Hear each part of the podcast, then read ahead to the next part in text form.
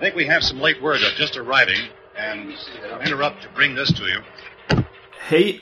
Eh, vi har spelat in ett avsnitt här redan. Men eh, eh, mellan att vi spelade in de här avsnitten egentligen. Eh, över sommaren så eh, eh, gick ju George A. Romero bort. Och vi tänkte eh, notera först att vi inte pratar om det i, i avsnitten här. Eh, Precis. men också kanske tar oss lite utrymme att prata om honom här och nu. Precis, istället. precis.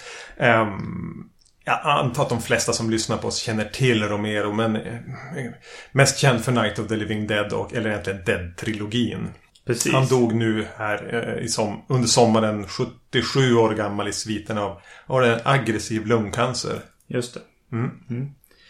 Precis. Eh, vi ville väl bara notera eftersom att han var väl ändå en ganska stor eh, figur i ens liv, i alla fall mitt. Jo, men både liksom att han är en stor figur inom, inom skräck. Har haft stor betydelse eh, inom, inom skräckfilmsgenren modern tid. Men även att han har ju varit, är ganska viktig för en, för en själv eh, och hans filmer. Kanske framförallt för dig, tror jag. Ja, egentligen sen man såg Night of the Living Dead där i, det är säkert gymnasiet. Det här. Ja. Och då hade det väl mest varit slasherfilm och så.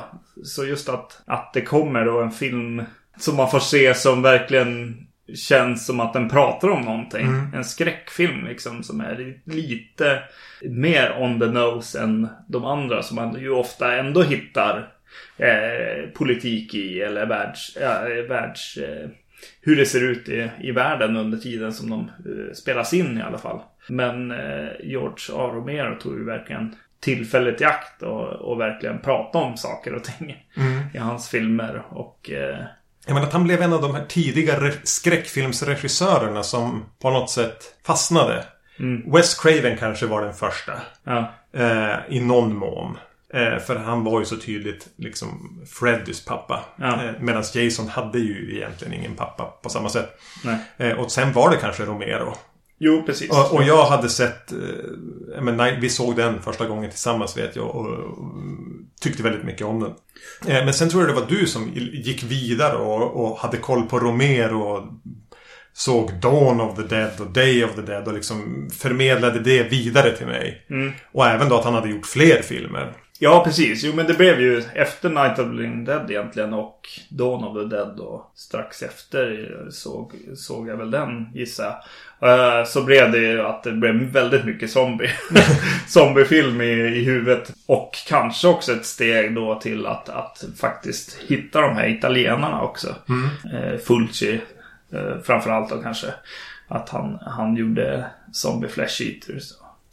Ja, men även Dario Argento hade ju sin klippning på Dawn of the Dead. Va? Ja, precis. Ja. Eh, precis, och Goblin gör soundtracket där. Och... Men som jag minns det var lite grann Romero en av de här regissörerna som du plockade upp som regissör och bara, ja men det här ska vi se, typ The Dark Half eller någonting. För det är ju Romero.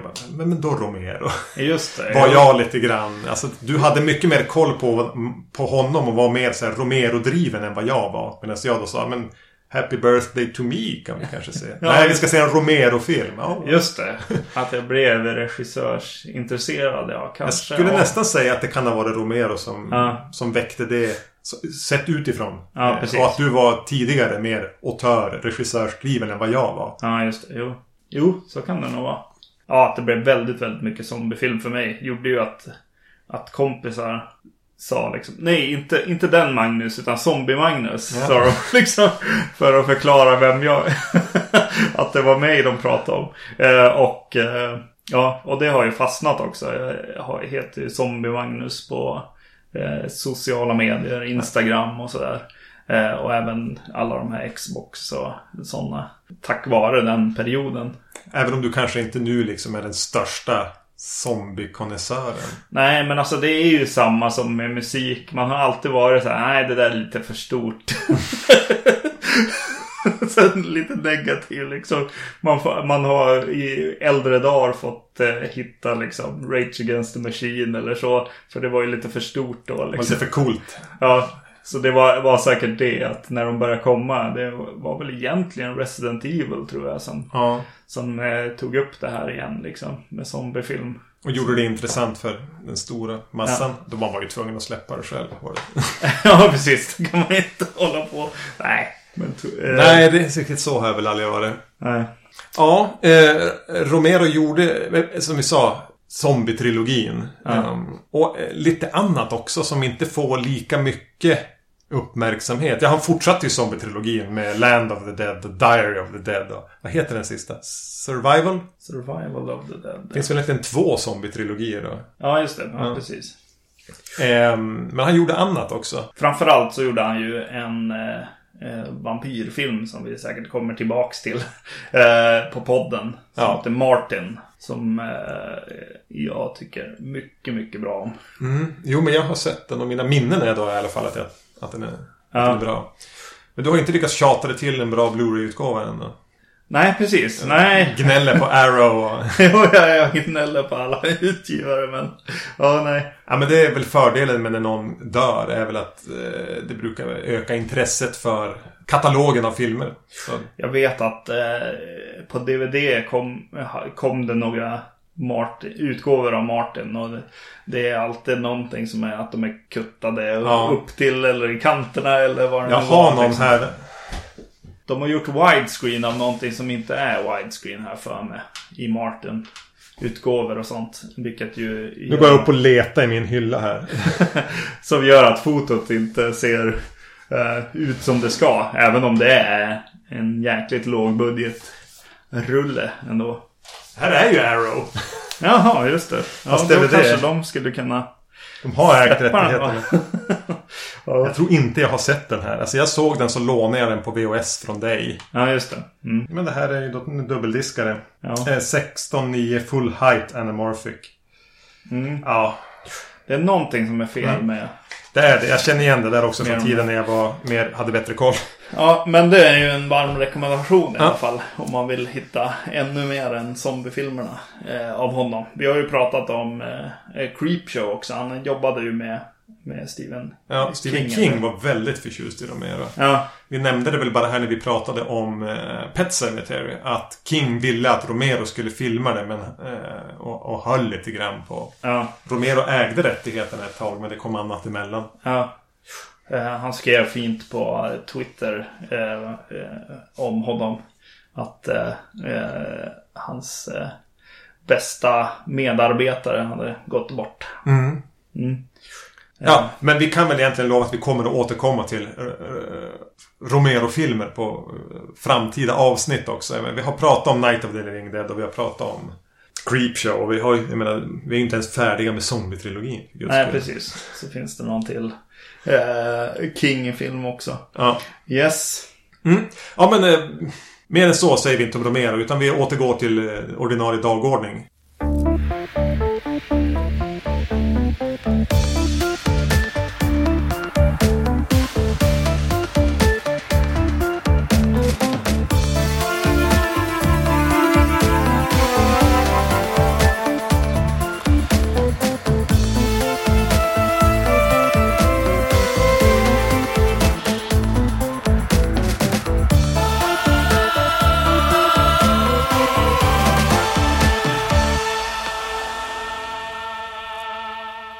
Välkommen till skräckfilmspodcasten Vacancy avsnitt 152 med mig Erik Nyström. Och med mig Magnus Johansson. Vi kommer nu att ta vid eh, avsnitt 7. Jajamän. Och vilka filmer pratade vi om i avsnitt 7? Ja, då pratade vi om Demons-filmerna. Demons och Demons 2. Och jag har väl egentligen ända sedan dess, eh, sen jag fick veta att det även finns mer eller mindre officiella uppföljare, tänkt att ja men det här måste vi göra komplett. För jag har ju den här eh, OCDn kring det. Vi kan ju inte låta något vara incomplete. Mm. Eh, så, eh, denna gång ska vi göra ett eh, litet försök att fånga upp åtminstone tre av de mer eller mindre inofficiella uppföljarna. Vilka tre? Jo, vi ska prata om Demons eh, 3, The Ogre. Från 88. The Church från 89 och The Sect från 91.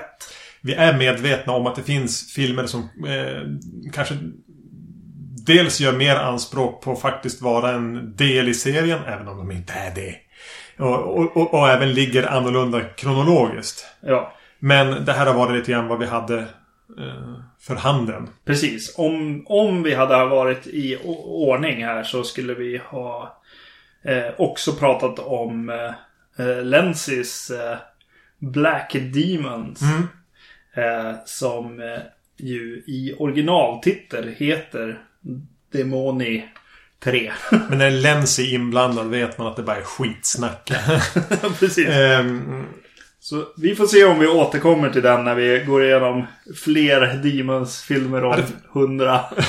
Vad blir det? 50 avsnitt till? ja, något sånt. Ja. Jag tänkte på det lite lustigt för mitt minne av, av avsnitt 7 då när vi hade pratat om det var att jag lyssnade igenom det. Alltså det här var ju när vi som var lite nya och jag var ganska het på att vilja höra hur det lät när vi hade spelat in någonting. Ja. Att jag vet att jag fruktansvärt bakfull efter en möhippa promenerade tillbaka för att städa upp efter möhippan. Mm. Det roliga med det är att den personen som vi då eh, hade en möhippa för Jag var nu bara för två veckor sedan på hennes andra möhippa. Hon har hunnit skilja sig och gifta sig igen. Eller ska gifta sig igen. Just det. Så vi... Jag säger till då när det bara var dags för att göra det här Demons-avsnittet. Det är, det är lite bortom vår kontroll. Just det. Ja. Nåväl.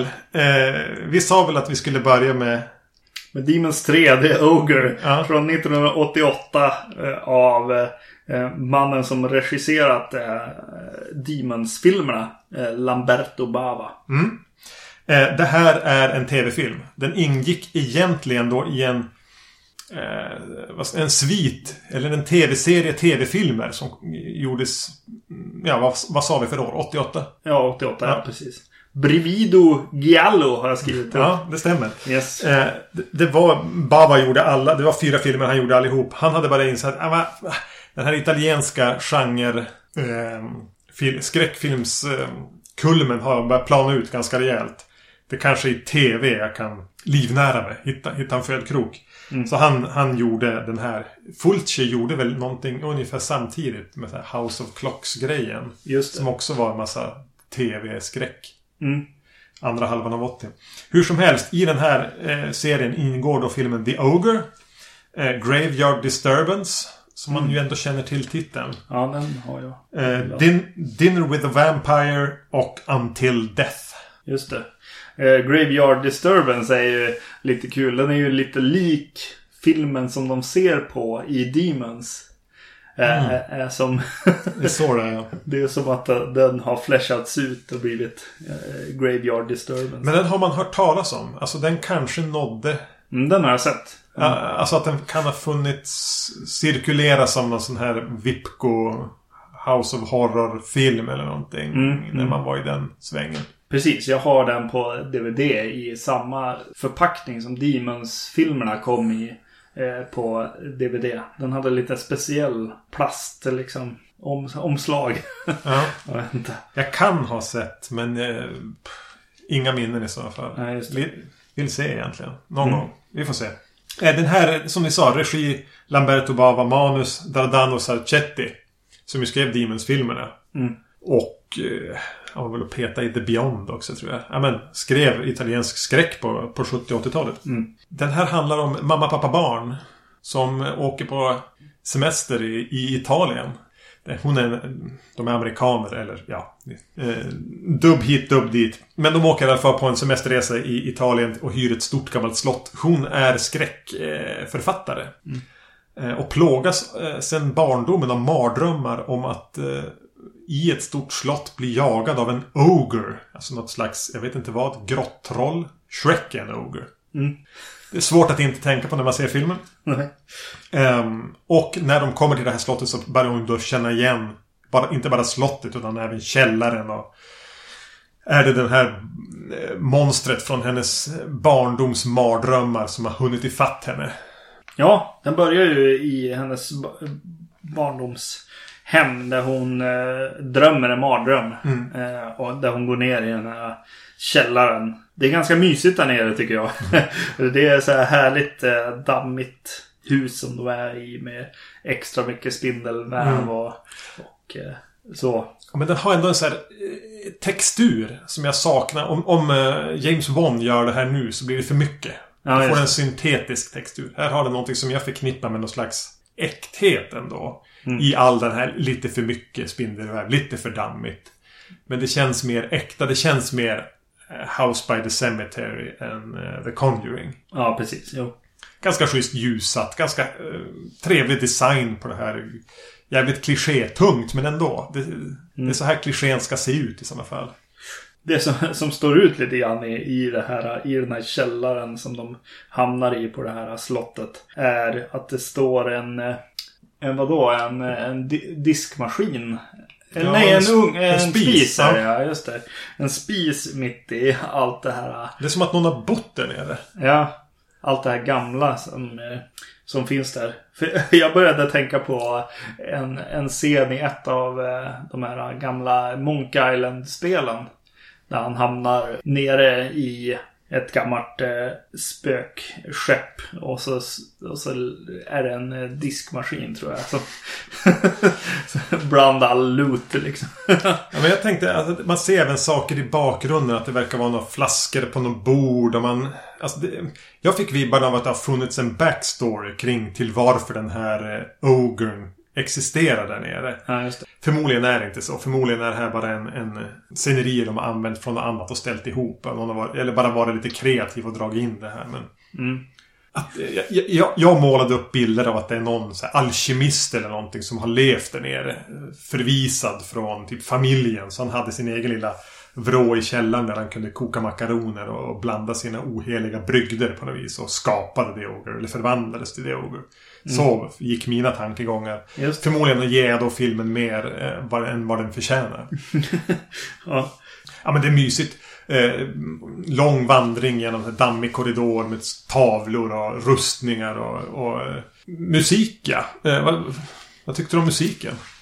Ja, alltså den är ju så klassisk italiensk, är den inte? Ja, väldigt.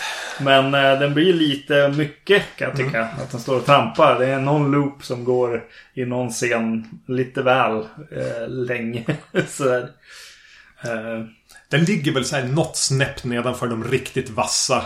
Alltså både italienska eller amerikanska 70-tals som går lite pianoklinkande i någon loop och det är lite speldos-vibben. Med någon elak synt som kommer in och hårdare ackord. Men... Ja men eh, någon liten rädd tioårig flicka som får vandra i en dammig korridor till det här plinket. Det är rätt stämningsfullt. mm. Jag eh, tyckte om musiken. eh, Och de använder den ju mycket. Det är ganska många scener. Vandra runt i husscener till musik.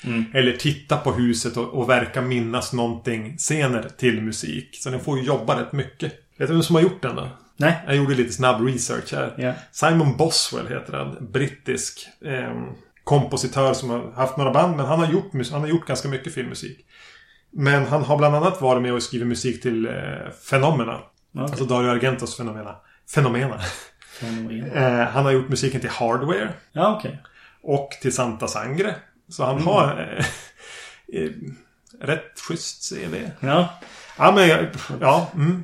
Eh, När vi väl sammanfattar kommer jag att säga att, att musiken nog var bland det bästa med Ja. den här filmen. Ja, så var det nog. Eh, Jag fastnade ju jättemycket i tankarna. Och det hann jag inte titta, eh, kolla upp efteråt. Men när de går omkring i, de här, i det här slottet så går de igenom några korridorer där som får mig att tänka på Kill Baby Kill. Mario Bavas. Pappa Bava. Mm. Ja, precis. Pappa Bavas eh, film. Till den grad att jag bara, jo men det är samma ställe. men eh, det får jag kolla upp. Eh, eller så får ni eh, rätta oss på Facebook. Ja, nej det var, eh, var häftigt på något sätt. Och, och till viss del så börjar jag tänka att den kanske är lite av en hyllning till, till pappa Bava.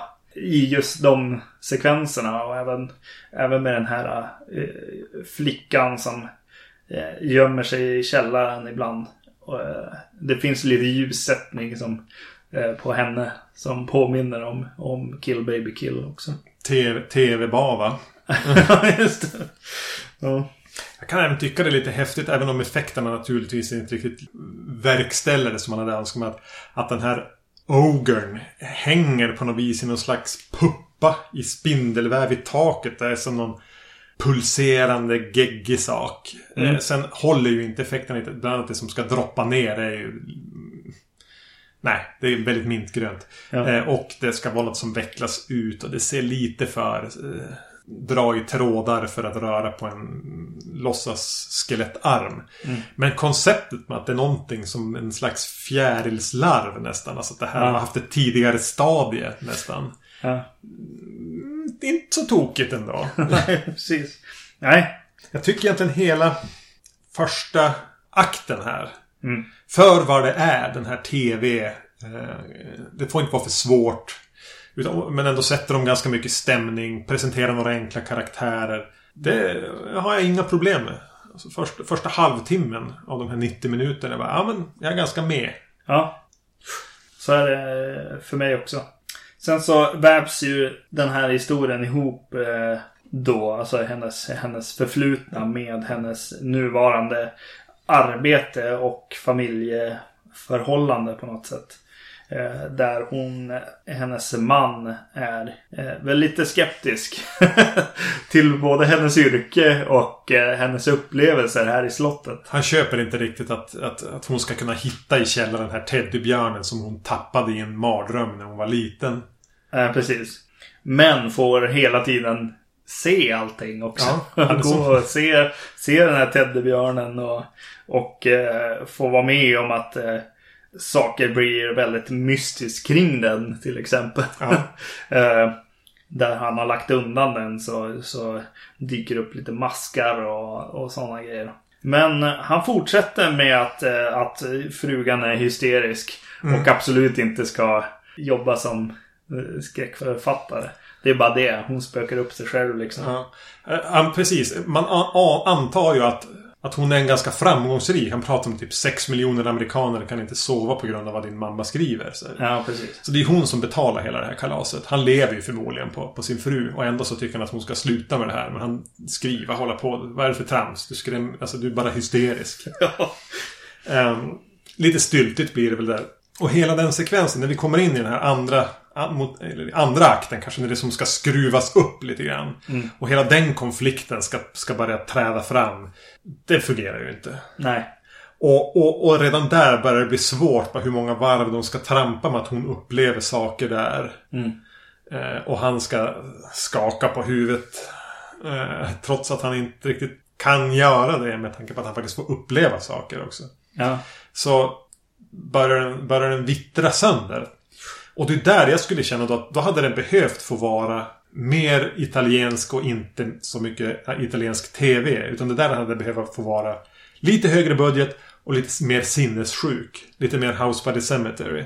Ja. Den här mannen är ju med för övrigt i House by the Cemetery. Ja, Eh, vad heter han då? Paolo Malco.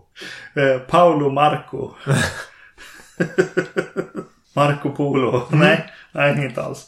Eh, I New York Ripper är med också. Så Lucio Fulci. Uh, skådis egentligen. Ja, det blir för tråkigt. Det känns också som att den har andra aspekter. Den kunde ha dragit i tråden liksom.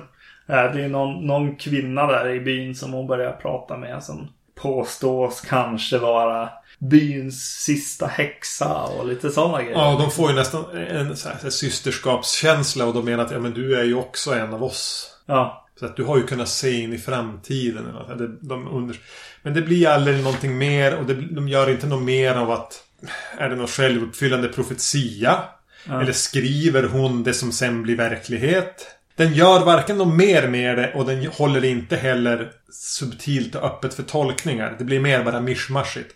Och, och även när det ska som in i ett klimax så tappar den... Alltså det blir ju inget vidare klimax. nej, nej. Förstod aldrig riktigt upplägget med barnvakten där. Nej, nej. Det blir som en grej ändå att de tar in en kvinna som hade kunnat vara den här... Alltså jag förstår inte varför det ska vara en syster till den här kompisen. Ja, Det är precis. som en onödig extra karaktär. Som ska vara barnvakt åt deras son. Men de är ju som bara hemma och gör... Ja. Alltså de är på semester för att umgås med familjen. Hon ska skriva klart en. Fast de verkar egentligen påbörja en. Mm. En ny historia. Eh, och, och så tar de in en barnvakt för att hon ska kunna sitta och skriva och pappan ska kunna, jag vet inte vad. De gör... Alltså jag trodde de skulle ha en barnvakt för en kväll. Ja, precis. Just det. Och det är väl nästan så det presenteras. ja. Men sen övergår den där kvällen i en dag. Ah, Nej. någonting är fel med, med, med tidslinjen där. precis. Ja. Nej, den är väl inte så bra alltså. The Ogre. Nej. Eh, Ganska och, lite ogre för pengarna. Ja, precis. Och eh, bara eh, hur många liksom Demons-grejer checkar den av då? Ja, inte många alls. Nej. Lamberto Bava är med. Det, det, Sarcetti har skrivit. Just det. Ja, precis. Jag tror att det är någon konstnär som dyker upp där också. Som är med i Demons Ja. första. Men ja, det, Eh, Dario, the artist, heter han. Ja, ja. Man, man skulle väl kunna tänka sig att det har funnits... Om, om den här, lite som jag hittade på, min, min alkemist eh, bakgrundshistoria där. Hade kanske kunnat ha kopplingar till någonting som har med, de här, med demoner att göra. ja. Men... Eh, Kom den ur någon film eller så? Nej. nej. Nej. Inte ens en bok. Som vi kanske kommer till nu med nästa. Film. Film. Ja, vi känner oss... Eh, Jag vill ändå bara säga att som jag sa, musiken eh, är nog det bästa med den. Eh, Den är, in, den är ändå inte kass. Alltså, jag har Nej. sett mycket sämre filmer. En italiensk tv-films skräckis från 88. Jag undrar om det blir bättre än så här. Nej, just det. Nej. Jag kan ändå ge den ett OK. Ett OK, ja. Ja. Och där är man rätt snäll. ja. La Casa del Orco heter den på italienska förresten. Jag tyckte det är värt att få med på, i protokollet. Just det. Roligt att säga italienska titlar. Mm. Då ska vi gå vidare till La Chiesa. Just det, precis. The Church. Från eh, 1989. Och eh, här så dyker eh, det upp en person som är med i Demons. Mm. Michel Soavi har regisserat här. Han har en sån här halv Fantomen på Operan plåtmask i, i Demons. Just det. Den här är gjord i samarbete med eh, Dario Argento. Som har skrivit den tillsammans med Soavi och en till författare. Man har tappat. Den är väldigt känd för då om, man ska, om vi ska hänga kvar i Demons County. Är väl att det här var ursprungligen tänkt som en tredje, alltså Demons 3 ganska rakt av. Mm. För, för er som nu inte har vårt avsnitt 7 färskt i minne eller filmerna Demons 1 och 2 färskt i minne så i den första Demons så kommer demonerna ur eh, bioduken. Mm. I den andra så kommer de ur TV. Ja, Eh, och här var då tanken att de skulle komma ur böcker. Va? Så. ja precis. Och, och det var väl ursprungsstoryn. Men eh, någonstans i manusprocessen och mm, produktionen så ville, jag tror det var Suavi. Som var, äh, men det ska vara mer en, en egen, en standalone film. Mm. Eh, och, och, och byggde ju om den lite grann. Men den handlar om en... eh, Vi får i en, i en tillbakablick i introt berättelsen om, om några häxor eller onda kvinnor och människor som dräps av något tempelriddare. Mm. Läggs i en massgrav för de är eh, typ besatta av djävulen. Och de tänker de här är så onda. Så vi måste bygga en, katedral över den här massgraven. Ja. Och det gör de. Så hoppar vi till då 1989. När det börjar hända märkliga saker i den här katedralen. Yes. Minst sagt. Eh, och mm, ja, men vi kommer in på lite olika karaktärer som, som finns i katedralen och i anslutning till det när vi pratar om filmen tror jag. Mm. När, du, när du pratar om det här eh, introsekvensen med så kom vi ju fram till efter lite googling att eh, den är skriven av Lamberto Bava och hans son. Vad hette den nu då? Eh, Fabrizio Bava. just det. Som eh, har skrivit lite av den här filmen. De är båda uncredited. Så att eh, just att det har varit en Demons-film kanske kommer lite eh, in där helt enkelt. Att de, de kanske påbörjar den som det eh, tillsammans med Lamberto Bava. Kan jag tänka mig kanske. Eh, och då, då får Michel Soavi komma in som mer eh, liksom efterträdare på något sätt. Och det är kanske därför han har velat eh, bygga om den lite grann och Mm. göra någonting eget av den helt enkelt. Fabrizio Bava här. Vad var det du sa att han hade varit? Han, han jobbar alltså aktivt som assi, regiassistant director och second unit director Ja. i Hollywood. Vad var det? Zoolander 2? Ja, precis. Senaste det var en gig. credit som han hade. ja, precis. Men eh, den här introsekvensen är ju lite kul alltså. Eh, det kommer några riddare så här i full rustning som de väl har gjort av papier-maché riddare. Eh, och... Eh, och Svårt kom- att inte tänka på Monty Python. va? Nej, det kommer ju någon snubbe där. Någon smutsig snubbe som, som eh, leder dem eh, in i någon grotta. Där de hit, hittar en sten där det står 666 på. Väldigt Monty Python. I början här. Och så sen kommer ju då en, en slakt av den här eh, byn av, av häxor och andra hemskheter. Ja, men Monty Python. Mm. Eh, som du säger. Men även här är ganska snygg handhållen kamera. Ja, precis. Jo. Eh, Han har valt att filma eh, saker genom de här maskerna också. Eh, som funkar i vissa fall. Kanske överanvänds. Eh, men ändå. Och snygga åkningar med, med hästar och grejer. Ändå. Alltså så, så själva eh, hantverket i foto så, eh, och klippning funkar. Ja. Sen att kostymerna är, verk- är verkligen eh, under all, all kritik. Är. Jag kan ändå uppskatta ambitionen att göra den här. Ja, tillbakablicken Ja. så att säga. Ja. Och det är häftigt på något sätt. Eh, och så springer det ju runt en karaktär där också som har ett korg, eh, en korg som eh, för ansiktet och så huva liksom. Som, Wickerface sa vi. Ja, Wickerface. Som eh, gömmer sig där och tittar på allting som händer eh, i byn. Och eh, det konceptet gillade jag också. Eh, att följa den här karaktären som eh, ser allt det här hända. Eh, som sen visar sig vara eh, Asia Argento. Mm. En, en ung sådan. Som spelar det här korgansiktet. Ja. Och hon kommer ju tillbaka i nutid också. Mm. Ja, vi är ju då eh, nu... Var någonstans är den här katedralen? Det är återigen... Är det Tyskland? Är vi i Tyskland här? Jo, Jo, i Tyskland är det. Mm. ja. Just det. det är väl det vi konstaterade med att eh, Demons filmer utspelas i Tyskland. Just det. Mm. Det är sant. Ja, men det är en stor katedral. Vi får presenteras för en kvinna som är där för att restaurera någonting. Är det så? Ja. Något Ja, precis. konstverk? Någon sån här katedralomslagsfresk. Ja, precis. Eh, en bibliotekarie Ja. som är där också, jag vet inte vad. Ska han dokumentera? Han gnäller över att han måste... Han ska ka- katalogisera alla böckerna som de har där Ja. helt enkelt. Som de gör. Vi har någon sån här jättegammal eh, präst. ja, fantastisk gammal präst. Ja. vi, vi har en mer... Eh, han har något eh, lite ondsint över sig också, den här Palpatine-prästen. Mm, mm. Eh, sen har vi en, en, mörkhyad präst som utstrålar någon slags här plågad heroism. Ja, just det. Ja, vi har Asia Argento. Ja. Som är dotter till typ de som... Caretakers. Mm. Så hennes pappa som, som är på någon slags vaktis där. Eh, och en fru till honom som vi inte får speciellt mycket info om. Men de bor i katedralen i alla fall. Ja. Eh, vi får någon så här till präst med glasögon. Som du sa någonting om bara, åh, Italiens David Hess. ja, jag får väldigt ruggig. Ja, han ser ju ut, om du tänker en sån här katolsk präst som förgriper sig på, på korgossar. Måla upp en mental bild av hur en sån ser ut så är det så här. ja.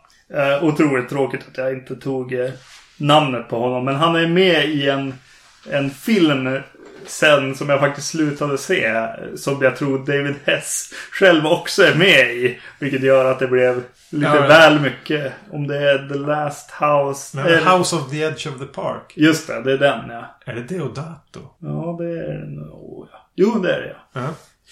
Eh, precis. Det blev lite för mycket med de två i samma film på något sätt. Och- Och alla de här karaktärerna stökar liksom runt i den här eh, katedralen och börjar ju hitta eh, ja, men, eh, något konstigt sjuögt monster i käll... Eller en statyett av ett monster. Eller Ja. det ligger i golvet. Och det pratas om att ja, men, det får inte begravas några präster eller påvar eller någonting här. Nej, ingen får begravas här. Varför får de inte göra det? Eh, och det anas ju att en ond kraft ligger där och vill liksom pysa upp mellan stenarna. Och då är ju de här Alltså den här nya bibliotekarien och eh, hon som restaurerar eh, den här tavlan eh, är ju inte riktigt med på, på vad den här kyrkan är. Som prästerna känns som att de ändå har något sån här koll på. Eh, Kanske inte han som som eh, du sa hade ett hjältemodigt utseende. Han kändes också som den nya prästen Ja. lite grann. Ja, de börjar ju fundera lite grann. De eh, hittar eh, små eh, gamla lappar och sånt eh, som de börjar titta på och försöka tyda och sen och de gör allt det här i hemlighet. De tassar runt i katakomberna långt ner och... Ja, hitta liksom eh, gamla dokument i väggarna och sådär. Ja, det, allt det här leder ju till att de ja, råkar väcka någon. Väcka någon ond kraft. Ja, precis. Eh, om man, den här bibliotekarien och re- restaureraren. Eh, målet till den första halvan av filmen, första tredjedelen av filmen tänker man, nej, men här har vi här har vi vårat, våran leading man och våran leading lady. Ja, Han spelas av Thomas Arana. Han är amerikan. Han har gjort mycket där. Som är, som är i, lite där diaboliskt hunkig. Och så har han så här sexy librarian eh, glasögon. För att han är bibliotekarie också. Mittbena. Ser ut som en X-Men i serietidningen. just det. Jättespännande CV på, på har han. Alltså han gjorde ganska mycket. Han kommer ju vara med, i The Sect också. Mm. Och gjorde lite sånt här. Eh, mycket för att det, som jag förstår att han kunde, han var talade italienska flytande. Han har ett ganska slående utseende. Han har lite, lite Fabio eller något sånt där. Men under 90-talet sen började han göra mycket, gjorde mycket TV. Avsnitt av TV-serier. Han gjorde italienska filmer. Och han började göra superblockbusters. Små roller i jättestora filmer. Han är med i Gladiator. Han är med i någon av Bourne-filmerna. Vad var det nu senast? Guardians of the Galaxy är han med i. Just det. Eh, någon av alltså Christopher Nolans Batman-filmer. Ja, Bodyguard var med inte så långt efter det här. Så, alltså, slask och jättestora filmer. Mm. Men det som händer med de här är ju att de, de trycks som sakta undan från att vara huvudpersonerna. just det. Och det är då jag tänker att den ändå är lite Demons. Om vi ska... För Ja. det Demons-filmerna gör är att ja, men det finns vissa personer som eventuellt kan vara huvudpersoner. Men den presenterar ofta ett gäng karaktärer. Och så får vi bara vara med de här i olika grupper och konstellationer och, och, och i, i, i ett utrymme där de blir instängda. Vilket ju händer här. Vilket är att det skapar något slags lite nihilistiskt kaos. Jag är ingen jag är trygg med här. Nej. Och det gör ju den här filmen. Ja. På samma sätt. Eh, precis. Och, och, och, när de är ute, alltså den har lite alltså Det är någonting, jag får bara en sån här vibb av fotot, lite det här mjuka fotot. Eh, när de är utanför och det spelas typ, när de åker genom stan-scenerna. Eh, precis, hon eh, Asia Argentos eh, karaktär går ut på stan ibland och åker ner, för, eh, ner i tunnelbanan och åker. Och så spelas det någon, någon eh, låt. Ja, så lite Där. Billy Idol-aktigt. Ja, precis. Och där är den ju väldigt, väldigt Demons också. Mm. Ja, som Demons-filmerna är på något sätt. Att utanför pågår det här andra livet liksom. Som inte är i den här konstiga dimensionen som ändå byggs upp av att demonerna dyker upp liksom. Eh, vilket ju händer här definitivt. Eh, i- extra mycket eftersom att det är i en gammal kyrka liksom. Så det är ju redan en, ett annat universum på något sätt. En, en annan tidsålder som den utspelas i. Ja, den jobbar ju mer på att bygga stämning än, än någon av eh, de andra Demons-filmerna.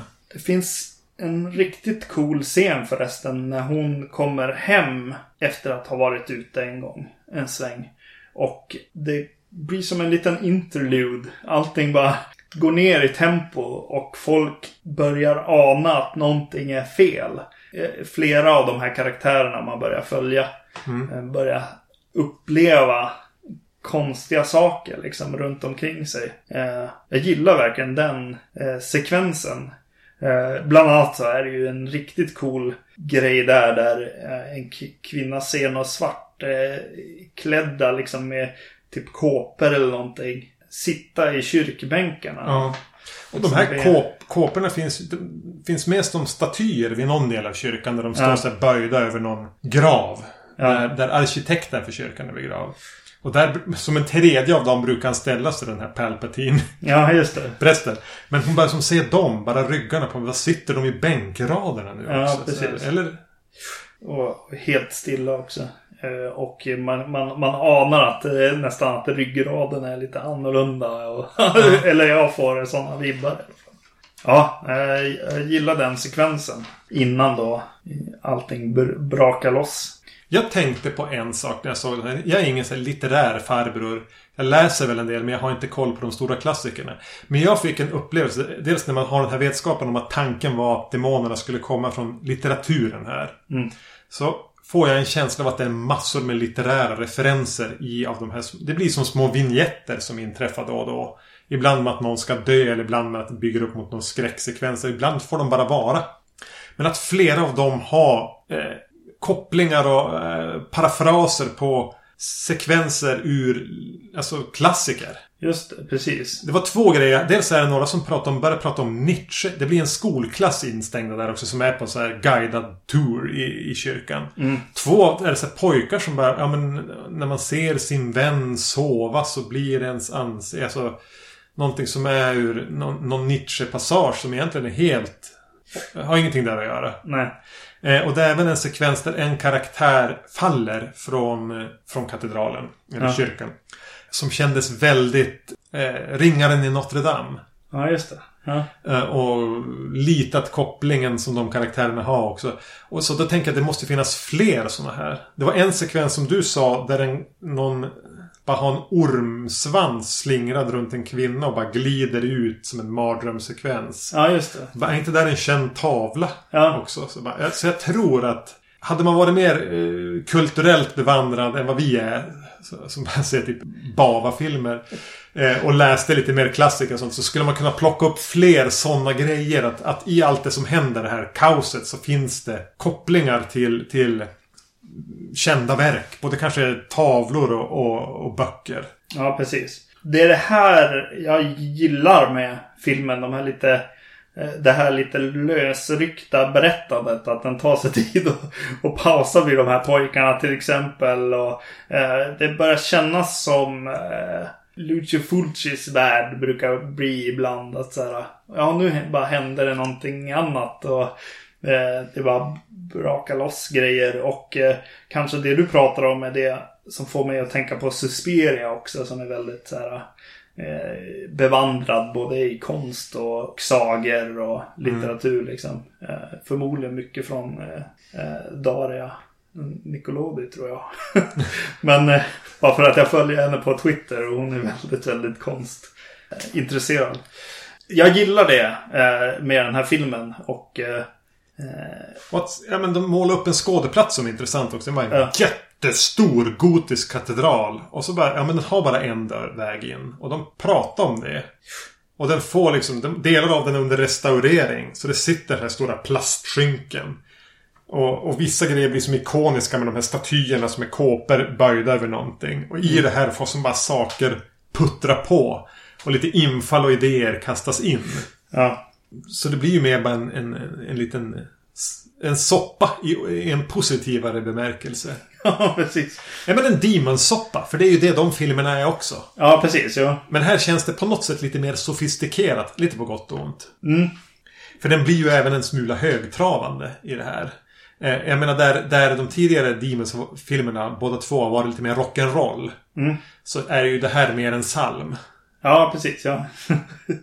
Och, och skådespelarna, vissa är ju alltså, ordentligt uttråkade känns de. Alltså de har den här italienska genrefilmstristessen i ögonen genom många scener. Mm. Det jag ändå kan gilla lite grann, men till exempel han Thomas Arana som spelar bibliotekarien.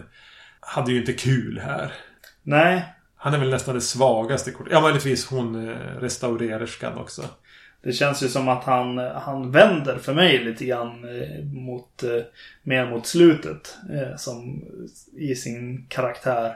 Det, Mm. det kändes som han var mycket falsk och konstig i, i sin, sitt, i början av den. Men sen när, när saker och ting börjar braka loss så funkar han ju betydligt bättre för mig. Eh, och så, ja precis, som du sa lite grann också att den här platsen. Jag, jag gillar verkligen hur de har gjort såna här lite ancient technology och sådana grejer. Liksom, Liksom, det lite också. Goonies nästan. Ja, precis. Indiana Jones.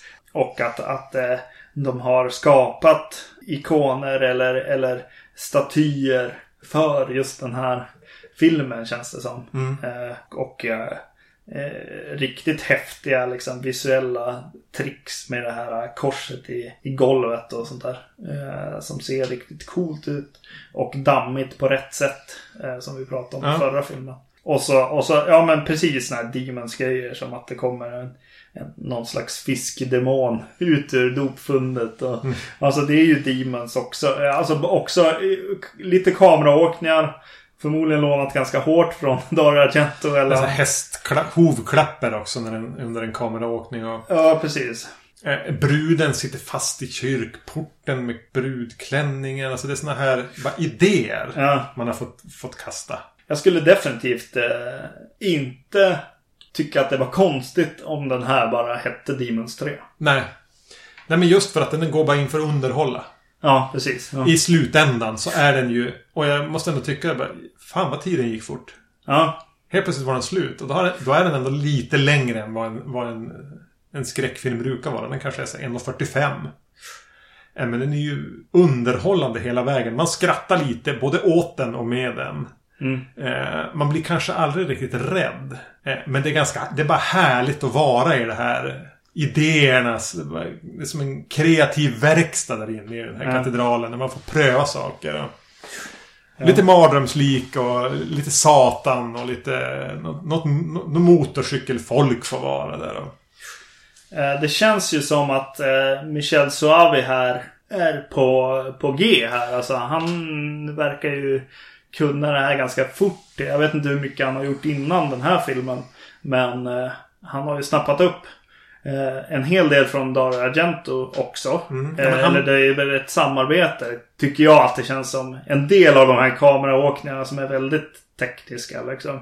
Känns väldigt Dario Argento. Jag blir såhär bara, ja det där har nog han varit med och gjort. Men, eh, men han kan, han kan det här. Eh, så har vi redan här tycker jag. Eh, klippning, farten som du säger. att så här, Ja, det finns någonting, något driv i det här liksom. Han skönt. ja. En mustig B-film. Ja. yes. Nu kommer vi då till eh, nästa film. Eh, The Sect från 91. La Zeta. Ja, samma team egentligen. Dario Argento Presents. Alltså har han skrivit den tillsammans med Michel Soavi och en annan. Och eh, producerat den här filmen. Suave regisserar också. Ja, just det. Precis. Ja, och eh, den känns ju på något sätt som att de har satt sig och sagt Ja men The Church gick ju ganska bra. Vi gör någonting som påminner men som ändå inte är eh, en uppföljare på något sätt. Ja. Eh, den här har ju då hetat Demons 4 i vissa regioner. Jag vet inte riktigt vart. Eh, eller releaser egentligen. Ja. Eh, Men eh, The Sect har ju i alla fall jag alltid hört den som. The Devil's Daughter verkar också vara en hyggligt utbredd titel på den. Just det. Mm. Miriam är våran huvudperson. Hon träffar en man som hon råkar köra på. En gammal gubbe snarare, spelad av Herbert Lång. Som hon råkar köra på. Ta in han i sitt hus för att han, han ska få hosta färdigt på något vis. Han har helt andra planer. Han verkar ha sökt upp henne av en anledning.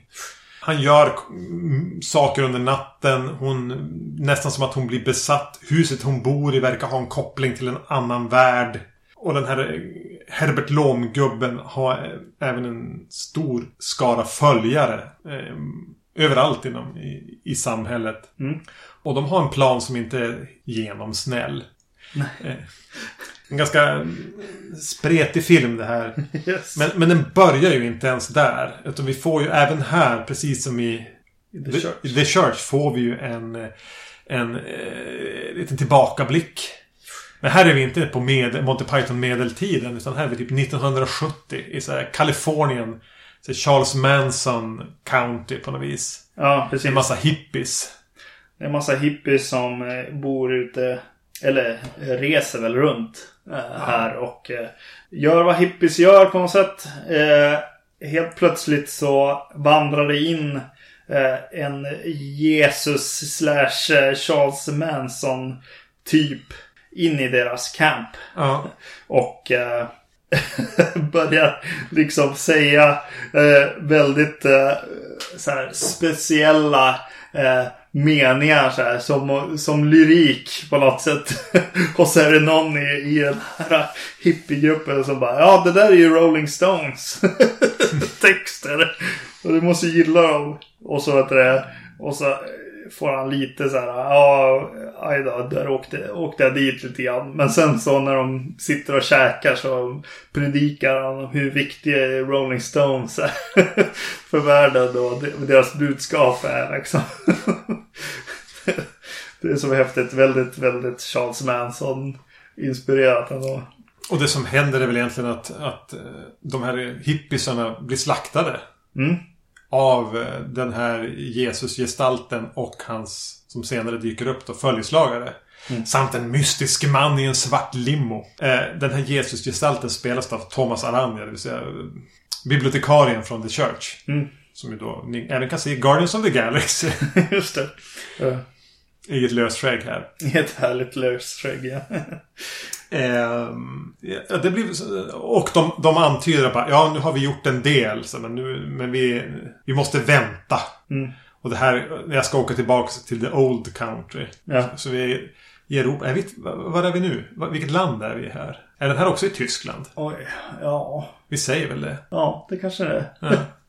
Det är lite svårt med de här italienska genrefilmerna eftersom de ofta har använt skådisar från flera olika länder och eh, dubbat till olika språk. Och, och skyltar kan vara lite hit och dit. Och någon direkt översatt och någon, någon råkar de bara få med som i Tyskland eller Italien. Mm. Och om man ser tre sådana här i rad eh, så kan det bli bli lite snurras ihop i huvudet. yes. Eh, eh, det jag känner ganska direkt är att eh, det är en regissör med rätt säker hand som jobbar här redan. Tycker jag. Jag tycker att vad heter det, ja, klippning, foto, drivet.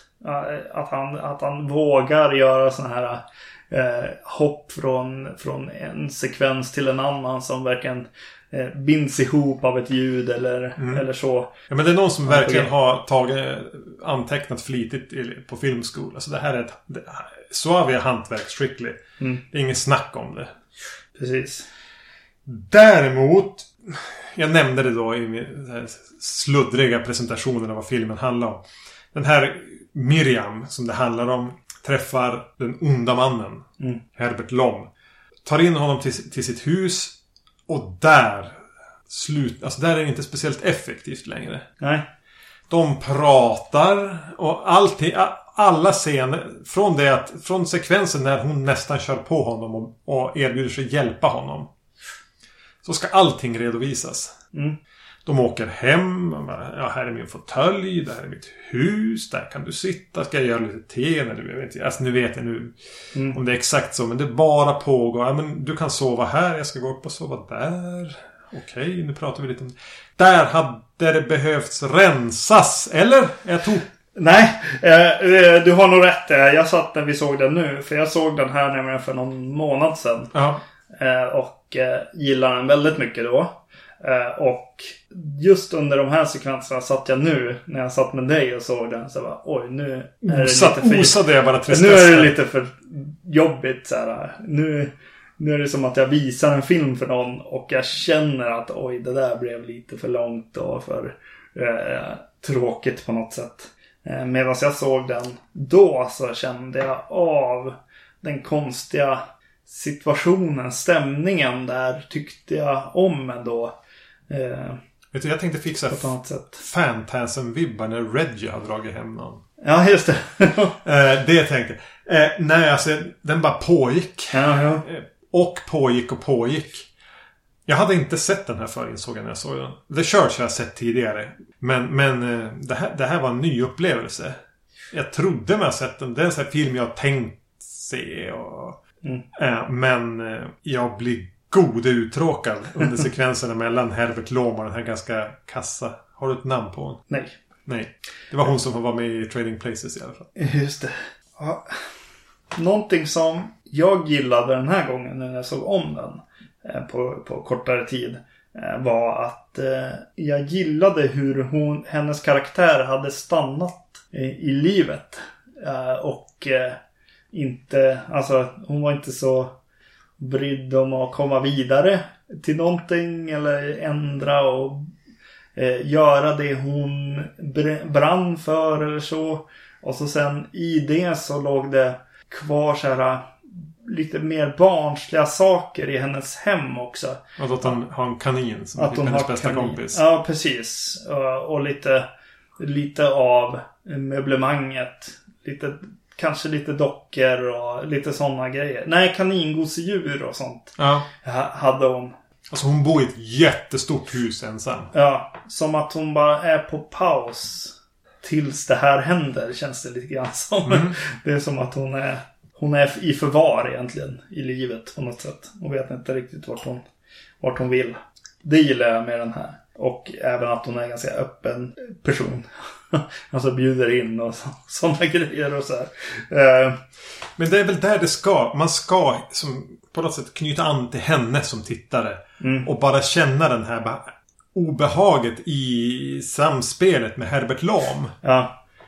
Men Nej. jag är inte där. Alltså, Nej, och, eh, nej, precis. Och det är ju hon som gör det. Mm. Eh, framförallt eh, skådespelerskan. Han spelar ju som en sjuk farbror liksom. Eh, men också väldigt hotfull på något sätt. Eh, det finns någonting där. Eh, och just situationen att ha tagit in någon som kan falla ihop död när som helst. Liksom. Han känns riktigt gammal alltså. Eh, ja, det kändes ju riktigt bra. Det skulle ha varit en bättre skådis i rollen och liksom klippt lite grann av det. Trimmat någonstans och så att den scenen bara fortsätter. Hon ska iväg. Telefonen fungerar inte. Hon ska iväg och hämta någon träbock i något grannhus som är läkare och de ska tillbaks. Under tiden får vi se hur Herbert Lom stökar på och öppna en brunn i källaren och mixtra och... Bara Ja, redovisa inte varje steg som alla karaktärer tar här. Nej, just det. Hade jag kanske hellre velat vara i ett slags eh, ambivalens då. Vem är den här mannen? Mm. För jag är ju ganska tidigt inne på, i och med att vi får se vad han gör med henne när hon sover. Det är väl ingen det är ganska tidigt. Ja. Han smyger in i hennes rum och liksom eh, stoppar in en insekt i hennes näsa. Ja. Ganska snygg scen. Det är det. Men då vet vi redan att, att ja, men han... Alltså, hade jag inte velat se den scenen. Hade jag velat... Ska, ska jag vil, vilja att hon ska kunna rädda honom när hon rusar iväg för att göra det. Mm. Det är någonting var, var insatsen är här. Som blir transportsträcka. Ja. Men det är en schysst dröm hon har. Ja, jäkligt snyggt. eh, I samband med den här insekten i näsan-grejen. Precis, eh, med, med repen där och, och trädet som eh, dyker upp där. Och snygga övergångar mellan alla de här sekvenserna också. Men hon går och plockar några röda blommor i typ en skog som är märkligt ljussatt på något Ja. vis. Ja. Och så kommer hon till det här trädet som glimmar liksom. Eh, som visar sig vara någon metallföremål som hänger liksom. Mm. Det är snyggt, eh, tycker jag. Eh, jag är ju mer med i den här filmen än du här. Jag tycker att det finns någon mystik som sätter sig i, i huvudet hos mig och, och sådär när jag ser den. Men jag kände ju de här sakerna som du säger nu. eh, När vi såg den nu, den här gången. Förra gången så var det ganska skönt att bli inlullad i det här.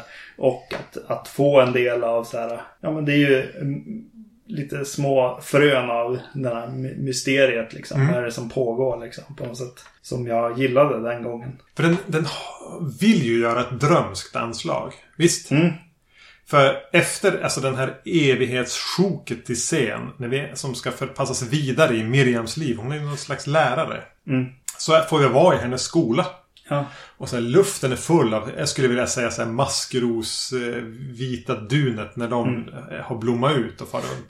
Hela luften är full av det. Det är dagsljus och det är som lite förhöjd verklighetskänsla. Bara, Ja men det här är ju schysst. Ja. Jag gillar att vara i det här. Det är snyggt iscensatt. Återigen bara bra klippt och alltihop. Men jag har som hela det här bagaget av den här oändliga sekvensen som aldrig tog slut.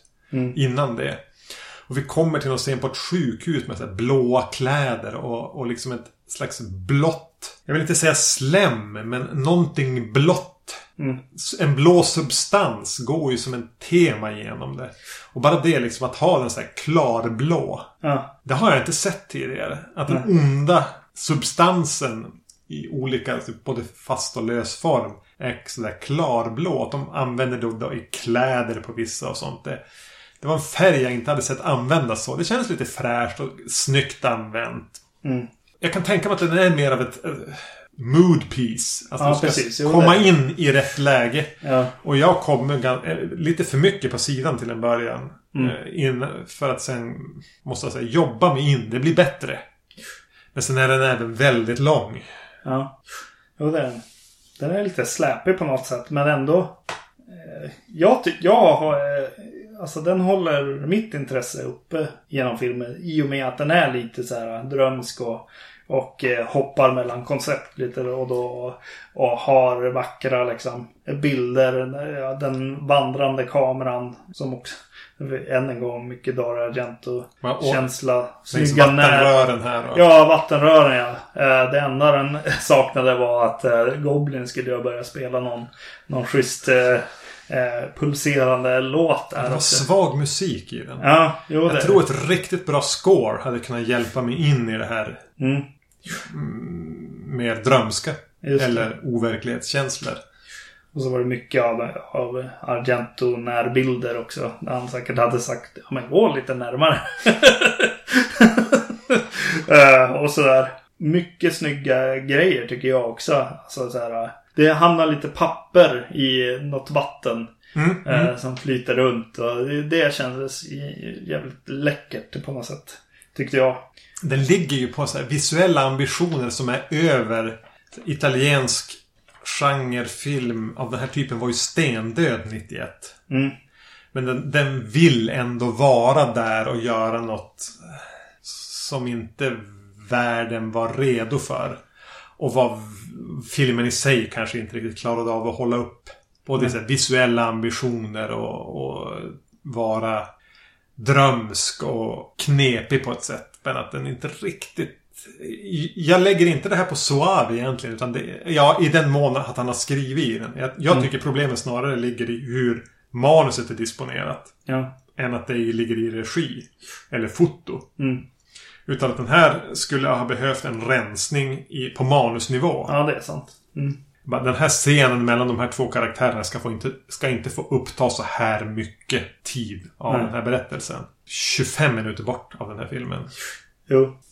Ja, precis. Jo, ja precis. Det är ju det du pratar om också. Att, att eh, den var väl... Italienska skräcken var väl liksom död nästan här. Ja. Eh, och... eh, Skräckfilmen var ju död 91. Ja. Det syns ju i att det är samma platser vi är i väldigt mycket också. Det är kanske är därför det är en sån lång screen time i det här jävla- huset liksom. Ja, som inte är så spännande.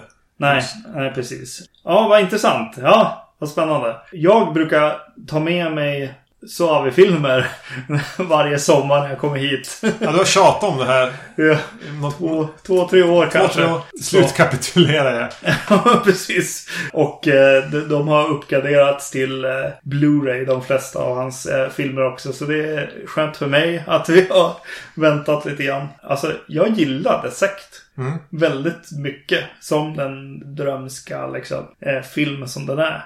Men, och The Church är liksom... Ja, jag tycker bättre om The Sekt. Ja, där har du ju fel. Ja. Eh, skulle vi rösta, skulle vi starta en poll på våra, på, bland våra lyssnare. Övertygad om att de skulle ge mig rätt också. Som håller The Sect som den svagare av de här. Av eh, Suavis två Ja. Demons-filmer om vi ska säga så. Jo, det är nog det. Ja, men ja, det är någonting med den här The Sect som jag gillar. Ja men den har lite... Lyckas man bara vibrera på samma våglängd som den så kan jag förstå om man uppskattar den. Ja. Jag, jag gjorde aldrig det. Ja. Jag fick vissa vibbar. Men för mig, ja, jag menar ska vi se på de här tre filmerna.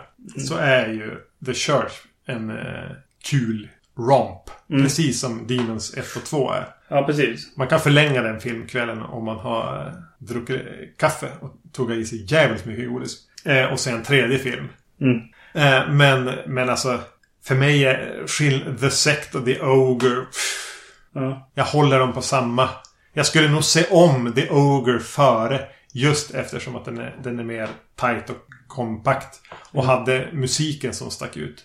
Just det. N- nu när vi såg The, The Church så är det, det är kul att se den med Demons-glasögonen. Ja, Definitivt. Det ska man göra. Ja, och... eh, Du får inte ta den på allvar. Och eh, jag hade väldigt kul åt... Eller jag gillade ju den för att den hade eh, Demons-delarna och framförallt så här Dario Argento-känslan via Suavi här.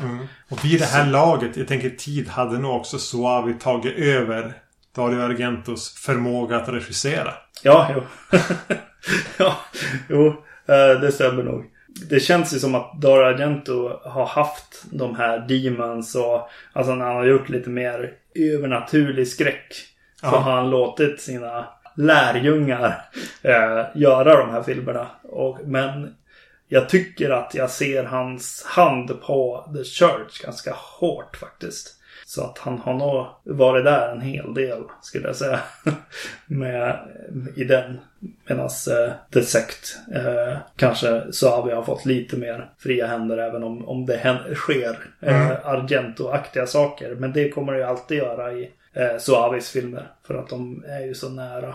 Ja, men han har ju fått sin utbildning egentligen via Dario. Ja, precis. Ehm, På ett annat sätt än eh, Lamberto Bava som ju har följt sin pappa ibland på, på inspelningar också. ja, men om vi, om, om vi bara gör den då. Lamberto Bava eller Michel Suavi så är ju Suavi den som faktiskt visar lite talang. Ja, definitivt. Lamberto Bava är ju ganska mycket. Du hade inte kommit någonstans om du inte hade hetat Bava. Nej, precis. Eh, han är, jag säger inte därmed att han är kass. Alltså han har... Han är väl inte sämre än någon annan som italiensk mer slask-regissör. Nej. Medan Suave har ju faktiskt en begåvning i hur han sätter ihop saker och ting. Ja, definitivt. Och eh, det är väl därför vi ska se ännu mer Suave-filmer. Ja. Eh, nästa avsnitt kommer vi prata mer både om Suave, vad han, vem han är och vad han har gjort. Och vad han kanske aldrig kommer att göra. Nej, precis.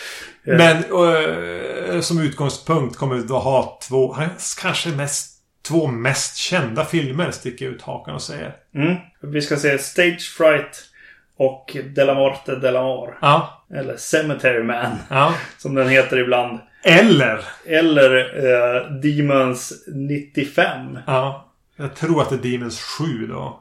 Ja, precis. Något sånt. Nå, något sånt. Ja. Så vi fortsätter med en, en till eh, inofficiell Demons uppföljare Ja. i nästa avsnitt. Innan eh, vi kommer dit så vill vi ju som sagt var gärna att ni går in på våran eh, på iTunes om man använder sig av det. Och ge oss ett, ett bra betyg eller skriv en liten recension. Eller bara tala om för era vänner som saknar en skräckfilmspodd i sitt liv att, att Vacancy kan man ju lyssna på. Vi finns på Acast nu också. Just det, bra. Annars, Facebook. Bästa sättet att komma i kontakt med oss är via Facebook. Eh, gilla oss där, skriv ett meddelande eller ett kommentar på det här avsnittet. Eh, vacancy.se, podcast at vacancy.se om man föredrar att skicka ett e-mail. Yes. Mer så vi kommer. Yes. Ha det bra. Hej! Hej.